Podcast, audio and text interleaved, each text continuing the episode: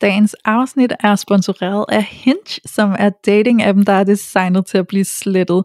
Netop fordi det er meningen, du skal komme ind og finde dit match og ikke have brug for en dating-app igen.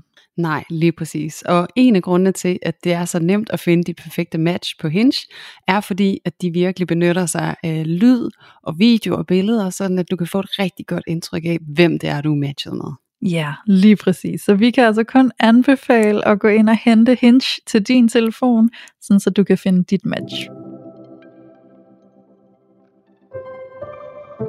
Parforholdet er for mange af os en af de mest betydningsfulde relationer i livet. Men det er ikke altid nemt at få det til at fungere sådan, som vi ønsker det. Derfor er vi her, for at give dig alle de bedste værktøjer, vi kender, til at styrke dit parforhold og hjælpe dig til at opdage, at du ikke er alene med de udfordringer, som parforholdet kan byde på. Din værter er seksolog og antropolog Julie Hove. Og selvværdscoach Louise Lukov. Og sammen tager vi filteret af parforholdet.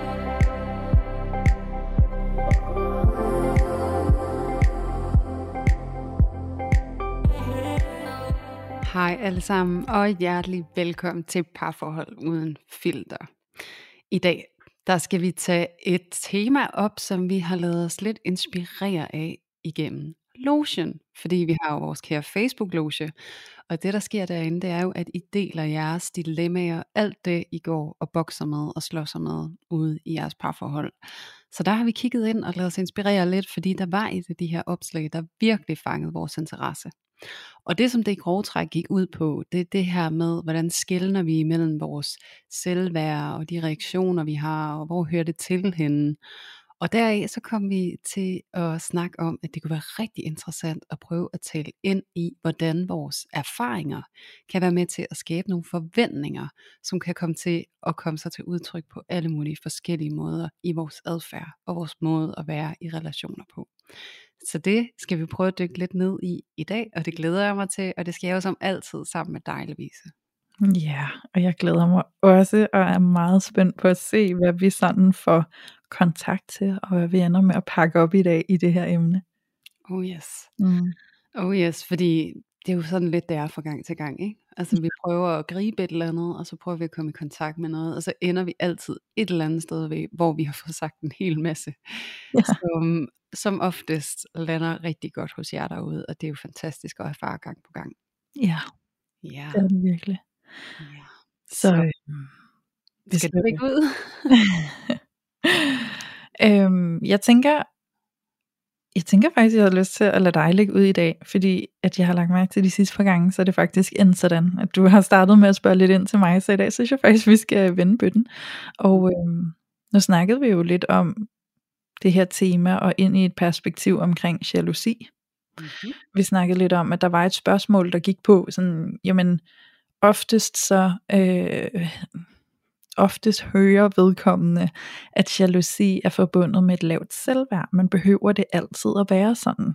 Kan der også være jalousi, som ikke er ud af et lavt selvværd. Ikke?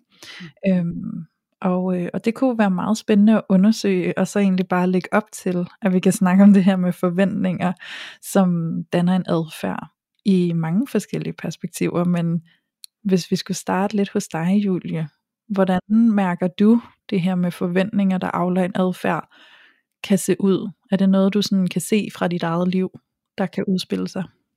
Ja, helt bestemt. Altså man kan sige generelt, altså både sådan, hvis jeg kigger på det med mine faglige briller, men også mine personlige briller, mm. så, øh, så er vi mennesker jo faktisk sådan programmeret, at det der kommer til at være afgørende for vores adfærd, det er de erfaringer, vi har med os. Ja. Så øh, hvis vi sådan skal prøve at så kigge sådan mere kategorisk på jalousi, og så lige relatere det ind til mig og mine erfaringer, mm-hmm. så, øh, så kan jeg også ikke genkende til at opleve jalousi, og jeg kan også godt se, hvordan det hænger sammen med nogle af de tidligere erfaringer, jeg har med det at være i parforhold. Fordi jeg har haft flere partnere, som har været mig utro. Øhm, jeg tror faktisk lige nu, når jeg sidder og tænker over det, så den eneste, der ikke har været det, det er faktisk den mand, jeg er sammen med i dag. Ja. Øhm, og det er jo ret tankevækkende. Og, øh, og derfor så kan jeg også sagtens komme i kontakt med jalousi. Og øh, det er sådan en meget bevidst og aktiv proces for mig at i talesætte det og sige det højt, når jeg mærker det. Øhm, så jeg også kan give mig selv lov til at få nogle nye erfaringer med, hvordan jeg kan blive mødt af min partner, i forhold til at den usikkerhed og den utryghed, den kan dukke op i mig. Mm. Og det er jo det, der bliver afgørende for, om jalousien den ligesom får lov til ligesom at aftale lidt og dulme lidt, eller om jeg skal gå og bakse med den på indersiden og lade det rumstere og ikke tage mig kærligt af det sted, som, som bliver berørt, når jeg mærker jalousien. Og jeg håber ikke, at det bliver for fluffy. Jeg håber, det giver mening, det jeg siger. Men alligevel, så i mit forsøg på at gøre det mere spiseligt, så kan jeg prøve at gøre det lidt mere konkret. Ja. Mhm. Ja. Ja, fordi det der jo kan ske for mig, det er, og det er, jo, det er jo også et perspektiv, der lige kommer ind her, det er, at vi reagerer forskelligt på jalousi. Mm-hmm. Mm. Ja, fordi det der sker for mig, når jeg mærker sådan en, åh, jeg er lidt utryg lige nu. Jeg er sådan lidt usikker på, om, om der sker noget. Finder du interesse for en anden? Går det lige pludselig op for dig, at der er noget andet, der er mere interessant end mig? Som jeg virkelig kan være farvet af, øh, hvis jeg ser, er et sted med mig selv, hvor jeg måske føler mig sådan lidt uinteressant, eller puha, jeg har godt nok fokuseret meget på mit arbejde, jeg har ikke været så nærværende, jeg har måske ikke været så spændende, der har været lidt mange øh, gange, hvor vi har været sammen, hvor det har været Netflix og is i sengen, så kan, så kan det der, øh, så kan den der jalousi godt komme snigende, særligt hvis det er, han skal noget. Ja. Ja. Og det som jeg har registreret, at jeg gør, når jeg mærker jalousi, det er, at jeg begynder at gøre ham uvigtig for mig. Mm. Mm. Hvilket måske også særligt er noget, der knytter sig lidt til den undvigende tilknytningsstil. Det der med, "Nå, så gør jeg dig lidt mindre vigtig for mig. Ja. Mm. Fordi at det er nemmere for mig at skubbe dig væk, og selv bryde kontakten, end det er for mig at erfare, at du fjerner dig fra mig og bryder den. Mm. Så det er sådan en selvbeskyttende mekanisme på en eller anden måde. Ja. Ja, og det er jo også fordi, at jeg netop har de her erfaringer med at blive svigtet i parforhold, så er det, at den her følelse af jalousi, den godt kan dukke op. Og det, der så er vigtigt, det er nemlig at registrere, hvad er min adfærd, når jeg får den her følelse. Men det er faktisk at lukke af, Mm. skubbe væk og lave afstand. Og det er jo mit bedste forsøg på at passe på mig selv lige der, ikke? Jo. Men det, det kommer til at betyde i min relation, det er, at jeg mærker en større afstand til min partner, som faktisk er med til at forstærke følelsen af jalousi og utryghed. Så det, jeg skal øve mig på lige der, det er at prøve at være åben og dele det sårbare sted, jeg kommer i kontakt med, med min partner. Mm. Og lige vise ham, at jeg er lige blevet taget af noget her, og det er faktisk ret sårbart for mig. Jeg kan mærke, at jeg lige er i kontakt med sådan en frygt for, om du skulle begynde at søge væk fra mig. Ja. Mm. Og det er ikke nødvendigvis fordi, at jeg har et dårligt selvværd lige præcis, men det er faktisk fordi, jeg har kontakt med en tidlig erfaring, jeg har haft. Og jeg begynder at få en adfærd, som begynder at gøre det lidt virkeligt, det der med, at han er på vej væk fra mig, selvom det er egentlig mig, der skubber ham væk. Ikke? Jo. Og det er det der med at lige få stoppet op. Og så lige være opmærksom på, hvad er det faktisk, jeg gør, når jeg har den her følelse. Sådan, at jeg kan få det, jeg dybest set længes efter, som er kontakt. Ikke? Jo. Ja. Giver det mening? Ja, jeg synes, det giver rigtig, rigtig god mening. Øhm, og det er jo det, der er så værdifuldt i forhold til at prøve at forstå, hvad der sker med os, når det er, vi bliver ramt i nogle følelser. Ikke? Øhm, og man kan sige, denne her lytter, som i Nilotion har skrevet det her dilemma, har jo også forsøgt på at forstå noget. Ikke? Fordi det, altså det, der er så smukt, det er jo at se, hvordan at vedkommende jo har registreret sådan, hmm, okay, så den historie, jeg plejer at høre omkring jalousi, det er, at man har et dårligt selvværd, og det er derfor, man er jaloux. Men det kan jeg bare ikke mærke passer på mig. Så det er jo mega, mega fedt, at vedkommende har den her nysgerrighed for at sige, okay, hmm, hvad kan det så være? For jeg synes simpelthen ikke, at det er sådan, det føles for mig, så der må være noget andet, men, men det andet, det kender jeg ikke endnu, for det har jeg ikke som sådan hørt nogen tale om, så nu prøver jeg at række ud, og det synes jeg er helt vildt fantastisk, øhm, for det giver jo netop muligheden for at blive lidt selvreflekterende, og prøve at komme ind og forstå noget fra nogle andre vinkler, end bare at markere sig selv og sige, når man så, så må det være noget med mit selvværd at gøre, og så komme til at vende det ind mod sig selv på den måde, ikke? Mm. Øhm, fordi det jo ikke altid er nødvendigvis, at det er et dårligt selvværd, og det kan også nogle gange være en kombination af nogle ting, ikke? så det er også det der med at kigge meget nuanceret på det, den oplevelse der er, hvis der kommer en jalousi til stede. Ikke? Øhm, og grund til, at vi har valgt at tage det her frem i lyset af øh, forventninger og erfaringer, og hvilken adfærd vi så har ud fra de forventninger, baseret på de erfaringer, vi har, det er jo fordi, at det kan jo godt gøre sig gældende på alle mulige måder, som kan være jalousi, men det kan også være alt muligt andet. Så, så det der jo egentlig ligger i det, det er jo netop, at vi har jo en hjerne, der gerne vil forbinde ting. Øhm, sådan så at den bedst muligt kan hjælpe os med at forstå, hvordan at verden hænger sammen, fordi så ved vi bedst muligt, hvordan vi skal navigere rundt i verden på en måde, hvor vi er sikre og ikke i fare. Øhm, så vores hjerne prøver faktisk bare at hjælpe os, men det betyder jo også, at vi begynder at samle øhm, informationer, kan man sige, ud fra de oplevelser, vi har allerede fra vi er små af. Så begynder vores hjerne at prøve at hjælpe os med at få nogle systemer, der siger, okay, nu skete det der. Det må have en betydning. Så går der lidt tid. Nu skete det her. Det minder lidt om det andet, eller også var det præcis det samme som det andet. Så der begynder at tegne sig et mønster på, at det her, det skulle nok en virkelighed. Øhm, og hvis man nu tidligt i livet, det kan være sådan, at man faktisk har øh, været barn, og at der har været utroskab mellem ens mor og far. Det vil sige, at man har måske et tidligt møde med utroskab, og det kan sætte en, øh, en oplevelse i kroppen på barnet, alt efter hvordan det er sket, og hvordan det er blevet håndteret, at det er sket. Så der kommer en historie, der kommer en oplevelse, det bliver til en erfaring, og så kommer man ud, og så kan der være hele den her sådan samfundsmæssige del af det, hvor man også kan sige, det er jo ikke kun det, der sker inde i vores øh, familie, sådan helt individuelt. Det er jo også i kombination til, hvad er det for nogle historier, vi får ude fra samfundet af. Så hvis vi også har været, hvad kan man sige, influeret og påvirket af at høre historier om, øh, altså det kan jo være samtaler, man overhører øh, hos de voksne, eller i ungdomsklubben. Det kan være noget, man ser i medierne. Det kan være noget, der bliver fortalt i en historie i en film. Altså sådan et plot i en film. Det kan være på dameblad, alt muligt andet. Men det der billede af utroskab, og det er noget virkelig uselt at gøre, og hvis ordlyden tit bliver den her med, at det er bare mænd, der er sådan nogle uterrenlige nogen, der altid ender med at svigte at være utro og sådan noget, så kan der komme sådan en hel historie rundt om det, som danner det her billede for den enkelte, som lige pludselig står og stykker det sammen op i hjernen helt ubevidst og tænker, okay, der er noget med mænd, og det er typisk dem, der er utro, så det skal jeg holde øje med. Og så bliver det lidt den historie, vi lever livet ud fra. At der er noget der, jeg skal holde øje med. Der er noget der, som er en virkelighed, som jeg skal prøve at beskytte mig selv imod. Præcis. Og det behøver ikke have noget med vores selvværd at gøre, men ren og skær at vores hjerne prøver at passe på os ud fra de historier og de erfaringer, den har stykket sammen og gjort til en virkelighed. Lige præcis. Lige præcis. Jeg synes, det er virkelig godt billede, du tegner lige nu, Louise.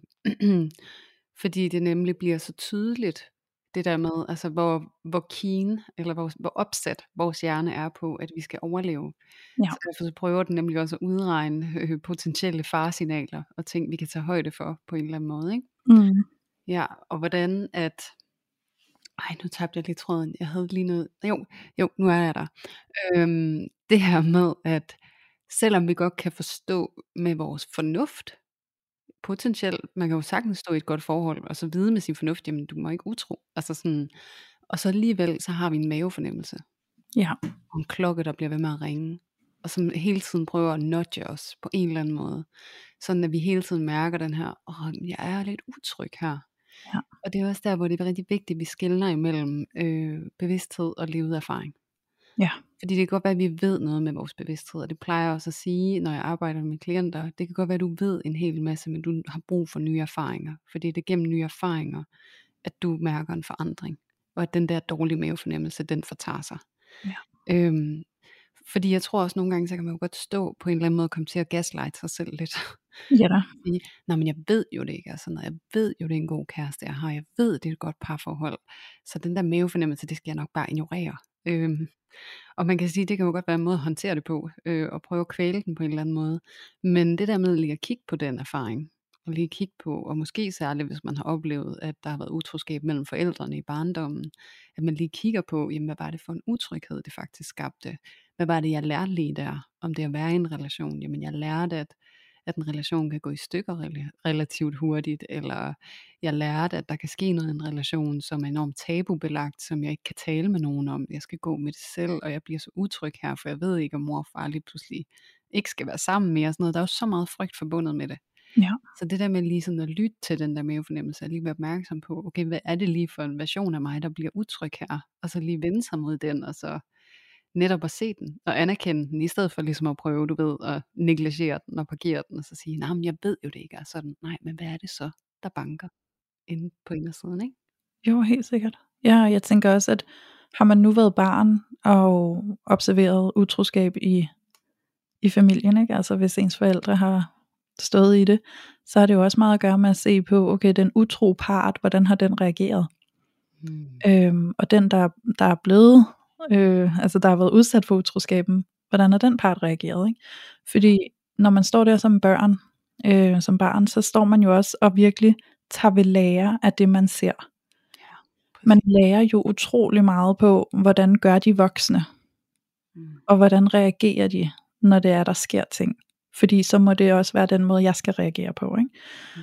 Øhm, så det er også ret væsentligt i hvert fald at kigge på, hvis man nu har haft det i sin barndom, at der har været utroskab mellem ens forældre, og kigge efter, kan du genkende, at den måde, de har håndteret det på, hver især og sammen, de reaktioner, de har haft, er det noget, der sådan har lagret sig lidt i dig, øhm, som du har båret med videre som en del af din øh, personlighed og dit væsen, som er vokset op og blevet voksen, og nu er på øh, udkig efter nogle af de samme faresignaler, som du måske så dengang, eller så på bagkant, da du fandt ud af, hvad der var sket. Øhm, har du måske stået, lad os sige, at din far har været din mor utro, og har du set din mor gå fuldstændig i spåne og helt i opløsning, øhm, og har haft svært ved at samle sig selv op efter det. Øhm, hvad har det gjort ved dig? Altså, hvad satte det i gang i dig? Og har det gjort, og har det betydet, at du måske frygter utroskab så meget, fordi du faktisk er bange for, at du ikke kan samle dig selv op, hvis du bliver udsat for det. Ikke? Mm.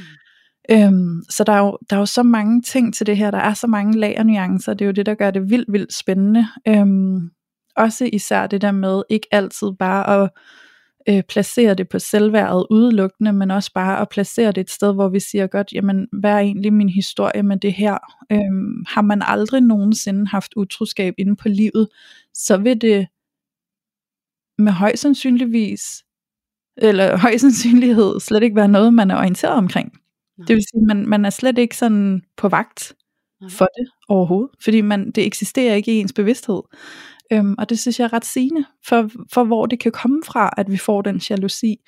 Øhm, fordi det bliver den her utryghed og usikkerhed på, jeg tror helt inde i mit system, at det her det er en helt normal del af at være i et parforhold, som jeg skal holde øje med. Mm. Ja, som jo egentlig sådan netop, altså hvis man skal være lidt, øh, altså kigge lidt på det på en anden måde, så sige, det er måske en meget sund reaktion egentlig, og så se, der er et eller andet, jeg skal være på vagt over for, fordi jeg har erfaret, hvor ondt det gør, hvor ødelæggende det kan være, ikke?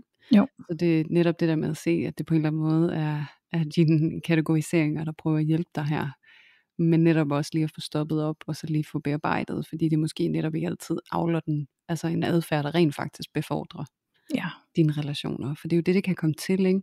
Mm. Fordi at så hvis det er, at vi bliver ved med at leve ud fra, at vores erfaringer er, hvad kan man sige, fremtidsudsigten, og den virkelighed, som vi må leve i, hvis vi bliver ved med at leve ud fra, at det er sandt, så kan det jo nemlig sætte gang i noget adfærd, som på mange måder kan være enormt øh, destruktivt for den relation, vi er i, hvor vi kan måske føle impuls til at udøve kontrol, eller nedlukning, som jeg jo selv har gjort brug af, eller hvad det kan være, ikke? Altså i, hvad kan man sige, i forsøget på at passe på os selv, og ja. undgå det, og mærke den smerte der. Og hvor at hele den adfærd, den opererer på gamle erfaringer.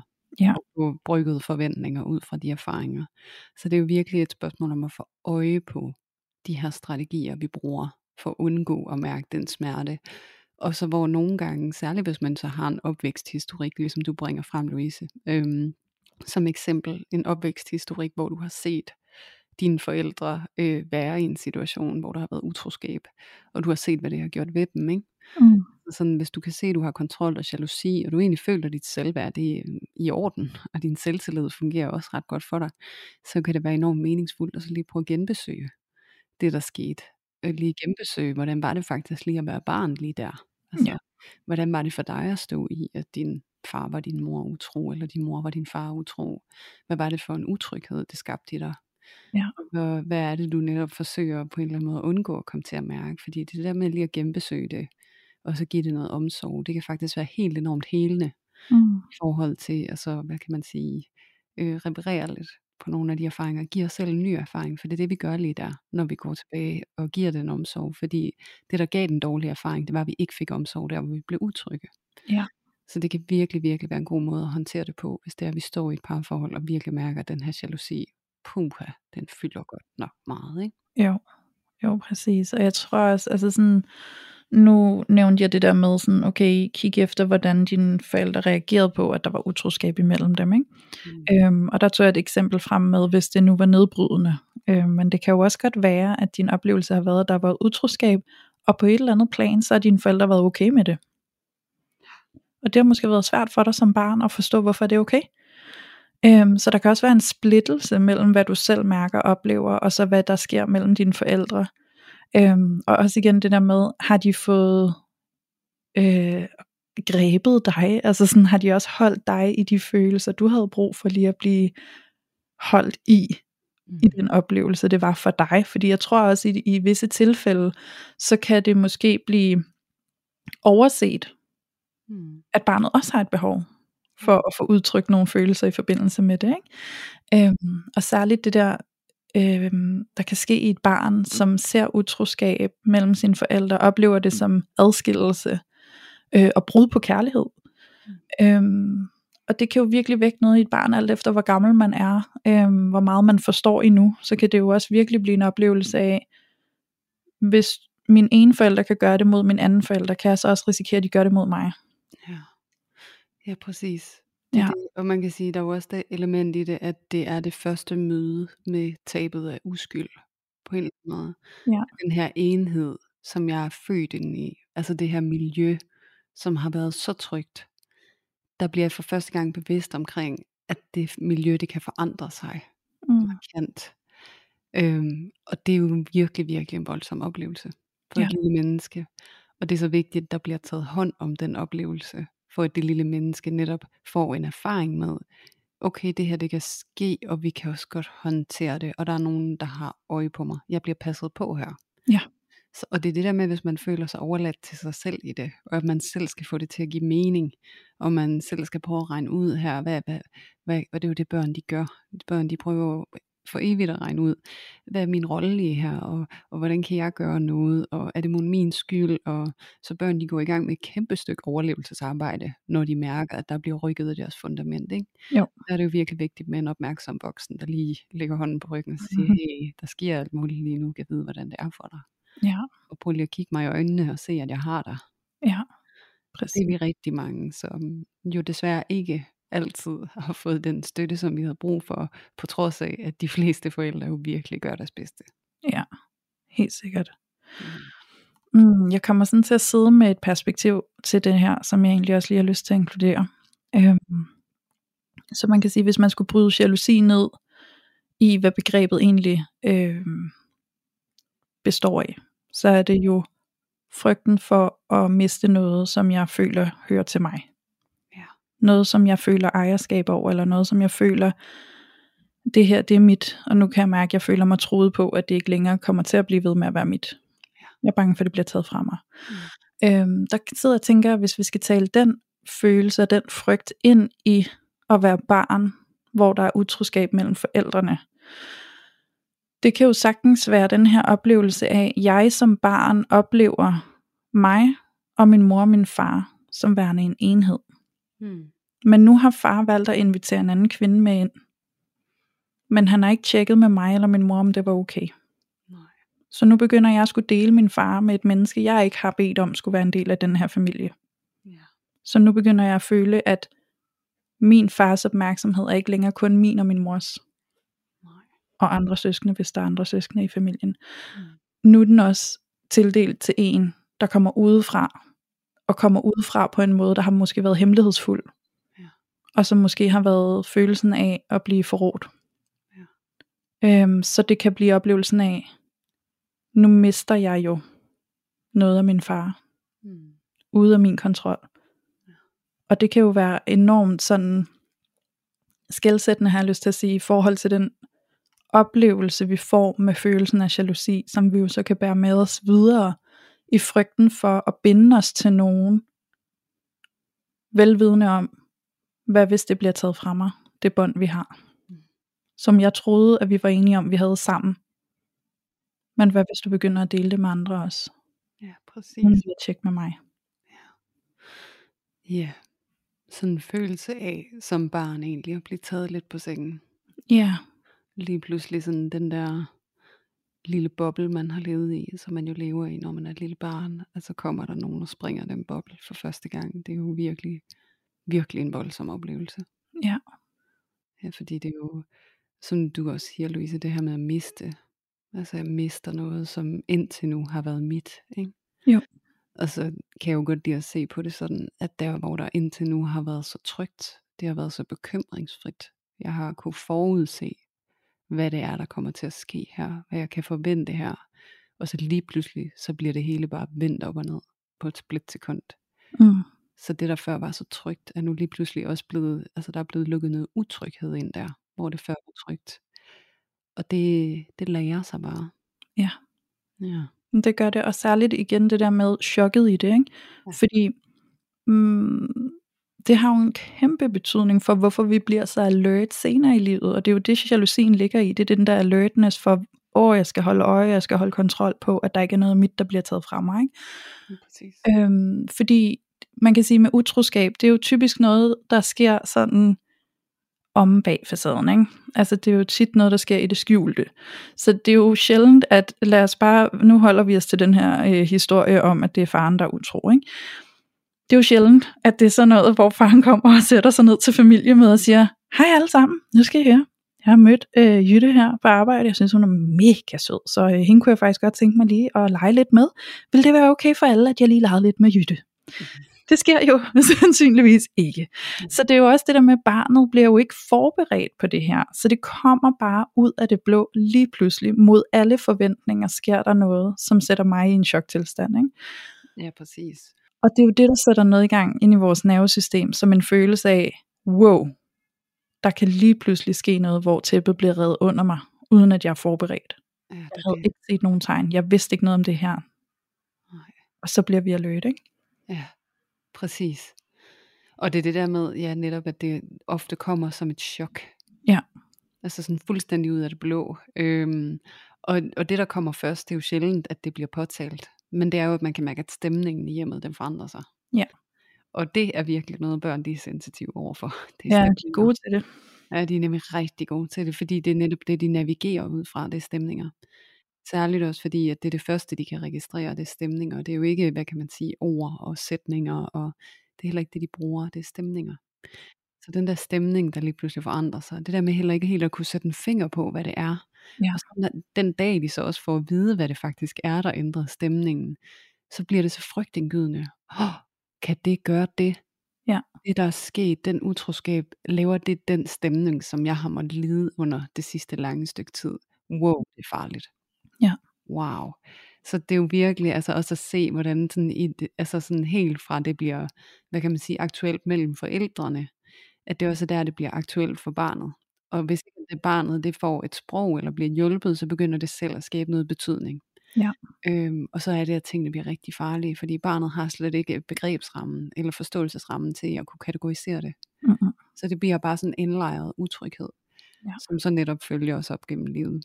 Og kommer til at afle en hel masse forventninger, og en hel masse adfærd og strategier, som skal prøve at beskytte os fra nogensinde at mærke det ubehag igen. Ja. Og det kan jo betyde, at man måske går i sit voksne parforhold, mærker en stemning, og fordi at du har den erfaring med at mærke den der stemning, da du var lille, så er du med det samme bare i de der tanker på, okay, der er nok utro, utro, der er nok utroskab i spil, så nu kan jeg mærke, at jalousien vokser helt vildt ind i mig, og jeg bliver enormt opmærksom på at kigge efter tegnene, og måske får jeg lyst til at kigge i telefonen, og jeg stiller mange spørgsmål, jeg analyserer alting, ikke? Øhm, og måske var den stemning, du mærkede, som var ubehagelig, tilsvarende til den ubehagelige stemning, du mærkede, da du var lille, og det viste sig at være utroskab mellem dine forældre. Måske er den stemning bare overhovedet ikke noget med utroskab at gøre. Måske var den ubehagelig, fordi der bare var noget andet på spil. Mm. Men det vi har lært, det er, at jamen, resultatet var jo utroskab, da jeg mærkede den her ubehagelige stemning. Så nu tolker jeg alle ubehagelige stemninger som værende i led til, at der nok er noget utroskab på vej. Det Og det antænder min jalousi og min parathed. Ikke? Ja, præcis. Øhm, Ja, og man kan sige, at hjernen har også en slem tilbøjelighed til at finde det værst tænkelige scenarie først. Ja. Og så skal man selv nedskalere derfra, ikke? Jo. Så det er man kan jo virkelig, virkelig lande et enormt ubehageligt sted. Ja. Hvor det er så svært at være. Og så gør man alle sine bedste forsøg på at undgå at mærke det sted. Og det kan jo blandt andet være ved at prøve at kontrollere sin partner, eller for mit vedkommende at skubbe dem væk, eller hvad det kan være. Ikke? Jo. Øhm, og nu kan man sige, nu har vi talt meget ind i det her, også sådan, hvordan at man kan have den her øh, prædisponering for at mærke jalousi, så frem man er vokset op i en familie, hvor at utroskab blandt andet har været et tema. Ikke? Mm. Øhm, og så er der jo også de erfaringer, vi gør senere i livet, øhm, som kan være de der voksne erfaringer, som jo, jeg også startede med at sige, som jo lidt var mit tilfælde, og det kunne jeg egentlig godt tænke mig også at tale lidt om, altså hvordan man også kan opbygge netop, altså erfaringer senere også, uden de nødvendigvis kommer helt fra barns ben. Helt sikkert. Ja, fordi også hvordan det kan blive helet på en eller anden måde, fordi øh, nu startede jeg jo med at sige, at øh, næsten alle mine partnere, de har været mig utro, ikke? og det lyder jo i sig selv øh, relativt traumatisk og foruroligende. Men det jeg egentlig mærker, når jeg siger det, det er en kæmpe ro. Ja. Og det er egentlig også fordi, at jeg netop har været så heldig, at jeg har fået erfaringer med, at man godt kan reparere det. Ja. Og øh, at man kan finde hinanden igen. Og at det ikke er så destruktivt. Øhm, og man kan sige, at jeg har måske også haft lettere til at tilegne mig den erfaring, fordi jeg netop ikke har haft en prædisposition fra barns ben. Så det betyder også, at det jeg har haft at arbejde med, har været en mere voksen udgave af mig selv. Hvor at hvis vi skal arbejde med noget, der kommer fra barns ben, så er det en meget mere øh, infantil udgave af os selv. Altså en meget lille version af os selv. Og det kan være meget sværere at regulere. Så hvis det er, du har det med fra barns ben, og jalousi føles som noget af det sværeste i hele verden, så have kæmpe medfølelse over for dig selv. Fordi det er det. Fordi der har der er så været så lille en forståelsesramme at arbejde med på det tidspunkt, at det føles voldsomt og svært at placere. Og det giver god mening. Men som sagt, så havde jeg heldigvis, har jeg lyst til at sige, ikke øh, sådan en barnlig øh, indlevet erfaring for mit vedkommende, så jeg kunne håndtere det fra et mere sådan voksen sted, Mm. selvom jeg var teenager, øh, for det var min første erfaring med det, ikke? Ja. Øhm, og hvor første gang jeg erfarede det, der tror jeg var omkring 16 år eller sådan noget, øh, hvor jeg blev bevidst omkring, at min daværende kæreste, han havde været mig utro, øh, mens jeg havde været på ferie. Og jeg kan huske, da jeg blev gjort bevidst omkring det, det var så ødelæggende, fordi jeg følte virkelig, wow, jeg var lige, jeg kan huske, før jeg fandt sammen med ham, så kom jeg fra et andet forhold, hvor jeg havde følt mig totalt braget, altså sådan virkelig, altså min selvfølelse, den var sådan fuldstændig i kuldkælderen, og så havde jeg mødt ham, og han var bare, altså, han var så på, og han synes, jeg var så fantastisk, og så at få lov til at erfare, at selvom at han var så begejstret for mig, og betaget af mig, så kunne han faktisk godt være mig utro. Mm. Det var, øh, det var en virkelig voldsom oplevelse. Øhm, og så også fordi, at det havde været i mit fravær på den måde. Ikke? Altså jeg sad i et helt andet land på en ferie og hyggede mig. Mm. Og så han hygget sig med en anden imens ikke, derhjemme. Ja. Det var vildt voldsomt. Og den lå sgu i mig. Og, øh, og det gjorde den lidt. Og jeg kunne også mærke, da jeg gik ind i det næste parforhold, så var det også lige med sådan et forbehold. Og et ubehag. Øhm, og det viste sig så, og det fandt jeg så ud af flere år efter, at den kæreste, jeg så var i parforhold med der, han var mig også utro. Øhm, men det fandt jeg ud af tre år efter, efter vi ikke var sammen mere. Så det, det fik ikke lov til at gøre det store indtryk på mig faktisk. Og det var så fordi, at jeg på det tidspunkt var i et parforhold med den mand, som jeg lærte sammen med, at det der med utroskab, der kunne man godt finde hinanden igen. Mm. Hmm. Fordi det jeg erfarede der, det var egentlig, at selvom han var mig utro, så den reaktion han havde, det var, at han kom til mig lige bagefter, og han var så ulykkelig over det. Ja. Så jeg kunne slet ikke, altså det var så tydeligt for mig at mærke, at han er så ødelagt over, at han har gjort det her. Fordi at han er så enormt bevidst om, at han har risikeret vores relation. Mm. Den ulykke, som han udstråler, den kommer, fordi at han er enormt bange for at miste mig. Så det er jo det der, den der følelse af, der er lige så meget på spil for ham, som der er for mig lige nu. Ja. Og det blev så hurtigt i talesat, at det her, det var ikke øh, et udtryk for, at jeg ikke var god nok. Det var ikke et udtryk for, at der var noget galt med mig. Det var ikke et udtryk for, at jeg ikke var tilstrækkelig. Men det var et udtryk for, at han kunne føle sig utilstrækkelig. Ja. og at han havde brug for en eller anden form for bekræftelse, og at det var ofte i forbindelse med fuldskab, så det var sådan lidt en, en, hvad kan man sige, ubevidst del af ham, sådan lidt en undertrykt del af ham, som virkelig havde brug for den her bekræftelse. Øhm, så på den der måde, så blev det talt om så, så tidligt i forløbet, at det jo ikke var mig. Mm. Øhm, og det helede faktisk også det sted, som så var blevet såret fra den tidligere relation, ikke? Jo. Ja, fordi narrativet omkring det, det blev så tydeligt, det her det er mit, og jeg tager mig af det, og han gik, han tog det så alvorligt. Og det gjorde også mig tryg, sådan, wow, du tager det her så alvorligt. Han gik til psykolog og det ene og det andet, ikke? Jo. Så det der med at blive taget alvorligt og blive spejlet i, at der er også noget på spil for ham, det var så helende for mig. Så derfor så sidder jeg også og har sådan en følelse af utroskab, det kan man, det kan man sagtens klare. Altså, Ja. øhm, og det er jo rart, at det er min erfaring. Ja. Og det er min forventning nu, ikke? Mm. Men det er jo også blevet bygget op, altså, hvad kan man sige, i et samarbejde, og i en levet oplevelse af, og en levet erfaring med, at det kan man faktisk godt klare, ikke? Jo. Jeg ikke, jeg er aldrig altså sådan, gået fra nogen på grund af utroskab, og, og, og det, det er jo egentlig også et godt eksempel, sådan, når han var utro, så vi gik fra hinanden. Mm. Så bliver utroskab farligt, fordi det bliver en dealbreaker. Ja. Fordi det faktisk pulveriserer en relation. Så gør vi også utroskab helt enormt farligt, fordi det er faktisk det værste, der kan ske for os. Det er tabet af relationer, ikke? Det er det, der gør allermest skade på os.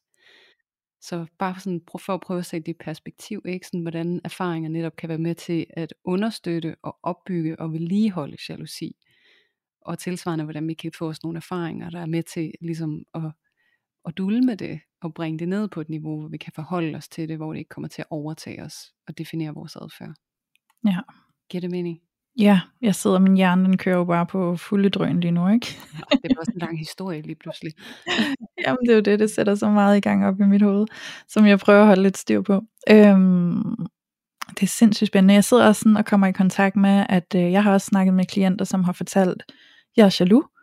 Øhm, jeg har aldrig oplevet utroskab, men jeg har været vidne til mange veninder, der har fortalt, at de har oplevet utroskab. Så der kan jo også komme en frygt og en jalousi på banen, som egentlig ikke kommer fra egne oplevelser, men fra andres oplevelser. Og det synes jeg er ret relevant og interessant også at tage med ind i den her samtale, at nogle gange så opstår jalousien jo fra det, vi ser ude i vores omverden. Mm.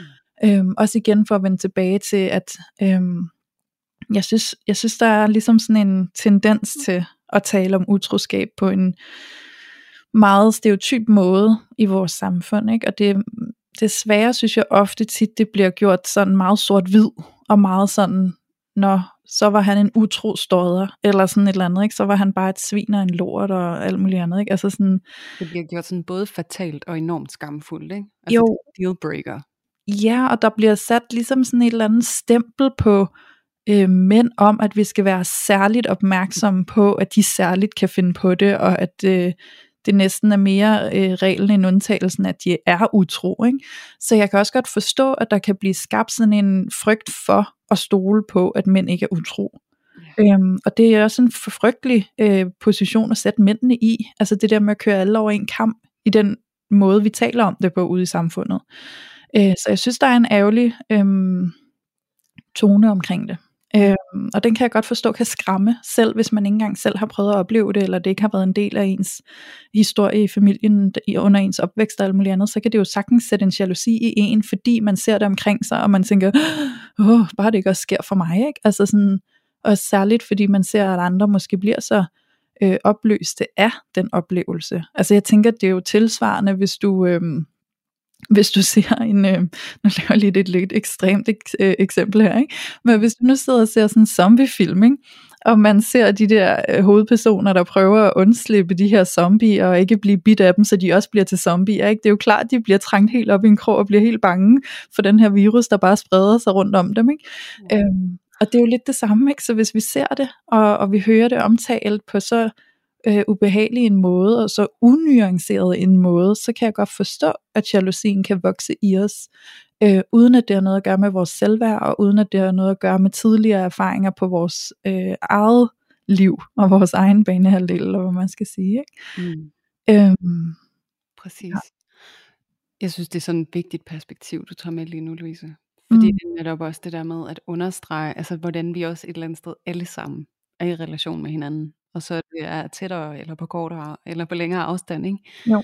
Fordi vi influerer hinanden helt vildt. Vi spejler os konstant i hinanden, for at finde ud af, hvordan skal jeg have det med det her, jeg står i lige nu, ikke? Jo. Og det er også det, vi kan se, det er også derfor, vi har en loge på Facebook, der er så aktiv. Det er fordi, at det er jo lige præcis et udtryk for det, vi har brug for at spejle os i hinanden, for at vide, hvordan skal jeg have det med det, jeg står i, ikke? Jo. Øh, fordi vi eksisterer i kraft af hinanden. Så når vi har så stærkt og negativt og destruktivt et narrativ omkring øh, utroskab, øh, så er det også så forståeligt, at det netop sætter i gang i alle mulige enormt komplekse og svære øh, følelser ind i os. Så virkelig også en omsorg for det, Ja. øhm, og virkelig også en opmærksomhed på ikke at komme til at adoptere øh, noget, som måske også, hvad kan man sige, kan være med til at give dig en adfærd, som kommer til egentlig at virke destruktiv på dit parforhold. Ja. Så virkelig, virkelig en vågenhed over for de der, hvad kan man sige, øh, destruktive narrativer, vi har omkring øh, bestemte typer af adfærd i parforhold. Det kan sådan generelt være en ret god idé, lige Ja. at være vågen der og opmærksom.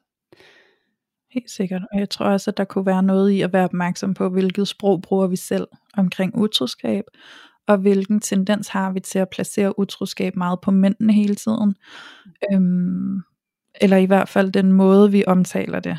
Mm. Øhm, så, så hvis du er et sted, og du enten lægger mærke til det i dig selv eller i andre, hvis du hører sådan noget med, sådan, at mænd kan heller ikke styre sig, og du ved, de ender altid med at være utro, eller sådan et eller andet andet, så prøv lige at lægge mærke til, at det er en historie, der kører i omløb, ikke? Ja.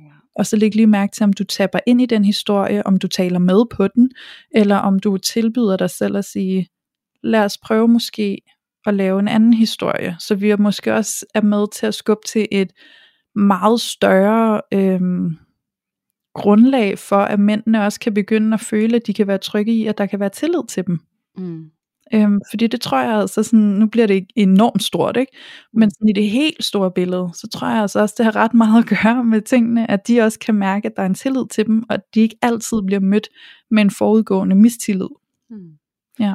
Ja, det er det, at vi sådan i, i fællesskab jo virkelig skal tage ansvar for også at ændre et narrativ Ja. og, og en diskurs omkring, hvordan vi taler om utroskab og jalousi og sådan noget. Ja. Og alt andet lige for at gøre det nemmere for os selv. Ikke? Øhm, fordi det er virkelig noget af det, der er med til at gøre det enormt komplekst.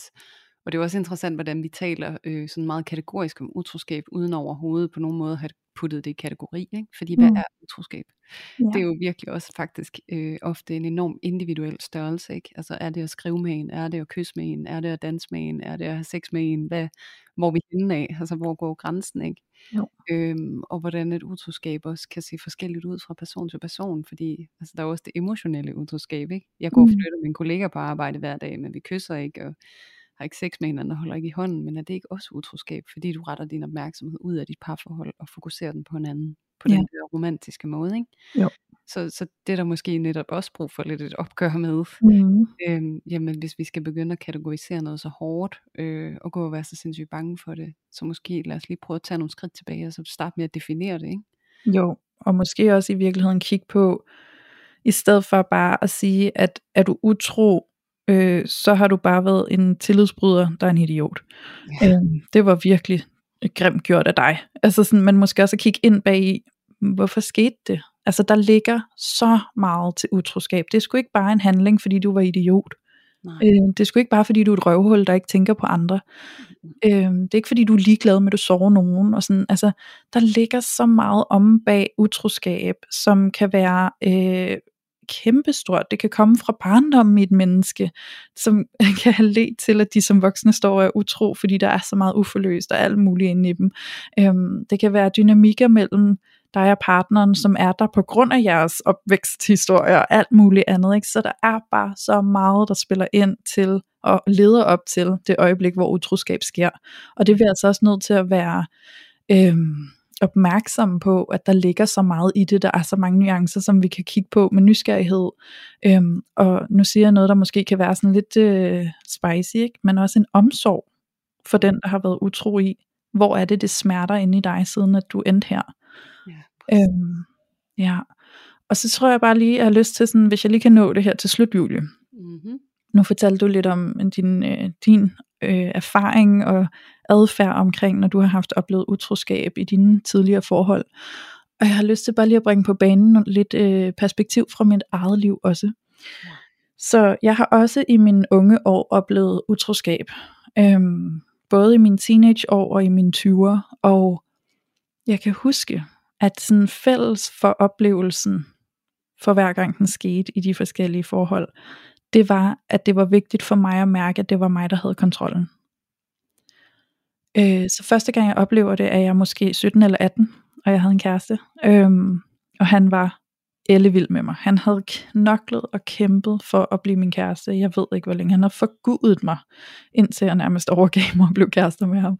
Mm. Øhm, og det var så mærkeligt for mig at sidde der og forstå, den måde, du har forgudet mig og jagtet mig og ville mig, og jeg var bare det eneste, du interesserede dig for. Det kunne jeg ikke forstå, hvordan kunne komme til at hænge sammen med, at han så kort tid efter var sammen med en anden pige. Mm. Det var sådan, det giver ingen mening. øhm, men han kom til mig, og han var vildt ked af det, og meget undskyldende. Og så undskyldende, at han faktisk sagde sådan, ved du hvad, øh, jeg synes faktisk, vi skal, øh, vi, vi skal ikke være sammen, fordi det fortjener du ikke. Og det var interessant, og der lavede han omvendt psykologi på mig. Ikke? Mm-hmm. Og jeg sidder der 17-18 år gammel, ikke? og så kunne jeg bare mærke, øh, nej, det er ikke noget, du bestemmer. Mm-hmm. Det bestemmer jeg, fordi det er dig, der har lavet en upser, så det er mig, der bestemmer, om vi skal være sammen eller ej. Og fordi at han sagde, at vi ikke skulle være sammen, for det synes han ikke, jeg fortjente, jeg fortjente noget meget bedre, så var jeg sådan, nej, nu skal vi være sammen, fordi jeg vil have kontrollen, og det er mig, der skal bestemme. Ja. Øhm, og det var bare så sjovt, øhm, eller det er sjovt at se tilbage på nu, øhm, og så ser jeg jo også, at dengang jeg så var 21, det vil sige et, et par år efter det, øhm, der står jeg igen i et forhold, hvor jeg er enormt knyttet ind i, altså sådan kæmpe forelskelse og sådan, ja, helt store følelser. Og han var utro, og det var ikke sådan en, du ved, sådan en, hov, jeg kom til at være sammen med en i aften til en fest. Det var sådan en der, hvor der havde været affære bag min ryg over længere tid. Okay. Øhm, og da det kom frem, der var jeg igen i samme mode, hvis man skal kalde det det. Jeg havde brug for, at det var mig, der havde kontrollen. Jeg havde brug for, det var mig, der styrede slagets gang. Fordi det er mig, der er den sårbare i det her. Det er mig, der er blevet øhm, forrådt, eller hvad man kan sige. Det er min, altså det er tilliden mod mig, der er blevet brudt. Ikke? Mm. Så jeg havde brug for at være den, der skulle tage beslutningerne. Og på det tidspunkt, der var han bare på knæene grædende, og undskyld, undskyld, undskyld, jeg vil have dig og alt muligt andet. Og så var jeg sådan, ja, men det får du ikke. Det er det valg, jeg tager jeg tager kontrollen, og jeg bryder det her forhold, fordi det vil jeg ikke være en del af. Mm. Så det havde jo et andet udfald, men adfærden var den samme. Jeg vil have kontrol. Ja. Øhm, og grunden til, at jeg siger det her, det er fordi, jeg ser, at øhm, kontrol er jo også et rigtig stort element i at være jaloux. Jeg vil gerne kontrollere min omgivelser, jeg vil gerne kontrollere min relation til dig, og din relation til andre. Mm. For på den måde, så kan jeg øhm, beskytte mig og sikre mig, hvordan jeg har det, og hvilke følelser jeg står med. Præcis ligesom jeg gjorde med dem, der var mig, to, mig utro. Jeg tog valgene, fordi så vidste jeg, at det var en måde, jeg kunne styre, hvordan jeg havde det på i situationen. Ikke? Wow. Hvor er det godt beskrevet, og hvor er det et vigtigt perspektiv at få med, Louise. Ja. fordi det er netop det er så rigtigt, det du siger. Ikke? Altså, at jalousi, det er jo virkelig også, også, når vi føler, at vi mister kontrollen. Ja. Og så kan vi handle på den jalousi netop med kontrol, for yes. at at vi får den tilbage igen. Ikke? Og at det er også en måde at håndtere det på. Ja. Ja. Og jeg synes, det er et enormt vigtigt perspektiv. Mm. mm. Ja, og jeg tænker, at hvis man sidder derude og tænker, okay, men hvordan kan jeg arbejde lidt med den her jalousi, som jeg godt kunne tænke mig at løsne lidt op på, den ikke styrer mig så meget, eller ikke fylder så meget i mit liv, så tror jeg, at der er værdi i at kigge på, hvordan kan du give lidt slip på noget af den kontrol, der ligger forbundet med jalousien, ikke? Mm. Øhm, og hvordan kan du bringe lidt tillid ind der, hvor frygten den kommer til at fylde enormt meget. Ja, præcis. Ja. Og være nysgerrig på, hvad er det for en del af dig, der har erfaringer med, at når du mister kontrollen, så går det helt galt. Ja. Og så måske give noget omsorg mm. til den del af dig, ja. som føler det, fordi det kan også være enormt helende for dig, hvis ja. du lige får øje på, hvad er det egentlig, det handler om, hvor er det egentlig, det kommer fra. Mm-hmm. Mm. Ja, jeg sidder faktisk og tænker, hvis man nu skulle prøve at øve sig i at slippe kontrollen, øhm, det kunne man jo også godt gøre ved at tage til nogle aktiviteter, der handler om ikke at være i kontrol. Mm. Det kunne være så lidt som at sige, jeg tager til noget, øh, et eller andet, hvor man skal male, hvor man ikke skal male et bestemt motiv, men man skal bare lade sig være abstrakt. Ja. Så der er ikke noget kontrol til stede. Jeg skal bare lade min kreativitet flyde, og så ikke ane, hvad det her bliver til. Det bliver bare til et eller andet med nogle farver og nogle streger og nogle cirkler eller lidt af hvert. Ikke? Mm. Øhm, det kunne også godt være, at man skulle øh, lave et bungee jump, hvor man ikke har nogen kontrol, eller hvad ved jeg? Altså prøv, prøv at tænke kreativt over, hvilke aktiviteter kunne jeg måske prøve af i mit liv, øhm, som jeg kunne opsøge, som handler om at være i en position uden kontrol, og overgive mig til tillid. Ja, ja. Mm. fordi det jo handler om netop at få nogle nye erfaringer. Ja, og særligt også netop stille nysgerrighed på, hvad for nogle nye erfaringer kunne jeg skabe relationelt.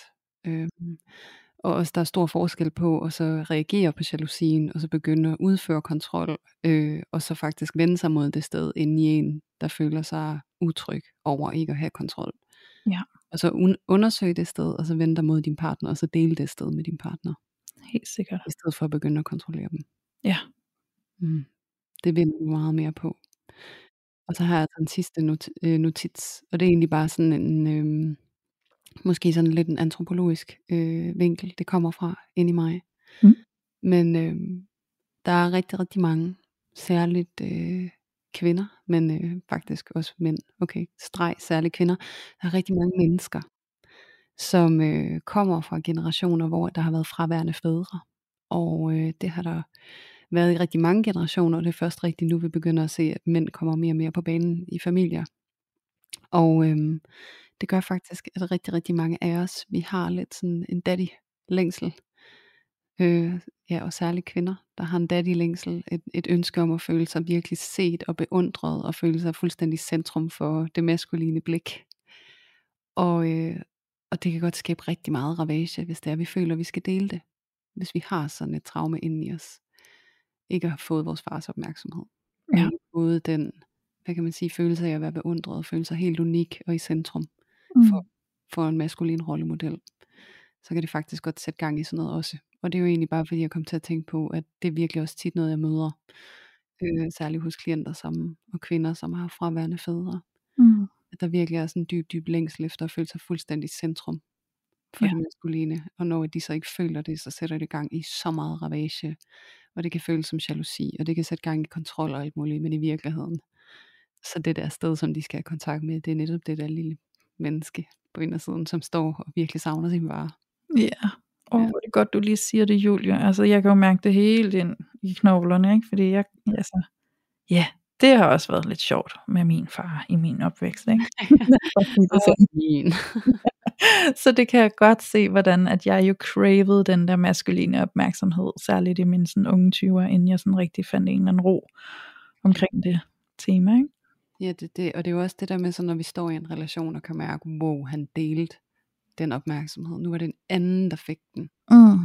Ej, det vækker bare det sorg der. Ja, Det vækker så meget det sorg med, at min far vendte sig væk fra mig og mod noget andet, og han ikke var der, da jeg manglede ham. præcis. Wow, jeg er i kontakt med det sorg lige nu. Du skal bare aldrig skrive til mig igen, og vi er slut, og fordi jeg vil aldrig mærke det her mørke sted igen. Nej. Og det kan være så helende at vende dig mod det sted der, og så give noget omsorg, når du mærker det. Ja. Oh. Tak for lige at tage det med, Julie. Ja, velbekomme. Det var meget værdifuldt. Ja, Ja, vi er mange, der har det på den måde. Det kan vi to i hvert fald tilslutte os, Louise. det er jo det. Det har vi haft brug for at kigge på nogle gange. ja, så det er med al, hvad kan man sige, omsorg og kærlighed for jer derude, der sidder og mærker, at det her, det på en eller anden måde resonerer ind i jeres følelsesliv også, så er det altså noget, som godt kan heles. Altså, der er altså en vej i forhold til at arbejde med det, og bringe noget omsorg ind i spil, og få et hjerte, der bare føles lidt mere stabilt og helt. Kan godt lade sig gøre. Mm. Ja. Så øhm, med det, Julie, så tror jeg, at det er så fint at sige tusind tak for i dag, og for det, vi fik øh, taget frem i dag. Ja, selv tusind tak. Det, øh, det var en fornøjelse, og tusind tak til jer lyttere, som lægger alle jeres erfaringer op i vores loge, sådan at vi kan få lov til at lade os inspirere Ja, de her afsnit til jer. Det er virkelig, virkelig værdifuldt, når I deler det, fordi så kan vi sende det igennem den her kanal, og så er der mange flere, der kan sidde derude, og så dyrke lidt omsorg for dem selv der, hvor det bliver rigtig svært. Ja. Jer. tusind tak til jer. Og til alle jer, der ikke er en del af logen, så kan I jo vælge at blive det. Det er ganske gratis, og det foregår inde på Facebook, hvor du bare skal søge på parforhold uden filter, bindestreg lotion, og så anmode om at blive medlem, så lukker vi dig ind den næstkommende tirsdag. Det er lige præcis det, vi gør. Ja. Og hvis du ikke allerede har gjort det, så må du selvfølgelig rigtig gerne give os en anmeldelse der, hvor du lytter til vores podcast. Så send os nogle stjerner, eller giv os en thumbs up, eller skriv et par ord. Og det behøver altså ikke være mange ord, det kan bare være et ord, hvor du bare skriver fedt, eller woohoo, eller nice. Det, det gør alt sammen en forskel. Så hvis du lige har tre sekunder til det, så vil det gøre en kæmpe forskel for os. Og tusind tak til dig, som vælger at gøre det. Ja, tusind tak til jer alle sammen. Også bare for at lytte med. Ja. Ja. Ja. Uden jer, ingen os. Så tak for jer. Ja. og tak til dig, Julie, fordi uden dig, ingen podcast. Og ja, og tak til dig, Louise. Mm. For du er også en del af podcasten. Det er det. Ja, så øh, det blev bare en masse tak i alle retninger. Det er så dejligt. Dejligt med taknemmelighed. Så, øh, så tak for dig, Julie, og tak for dig. Selv tak, Louise. Og tusind tak til alle jer vidunderlige lyttere derude, der endnu en gang har været med til at tage filteret af parforholdet. Og vi minder om, at dagens afsnit er sponsoreret af Hinge, som er dating-appen, der er designet til at blive slettet, i håbet om, at du finder dit match. Så download appen der, hvor du plejer at downloade dine apps.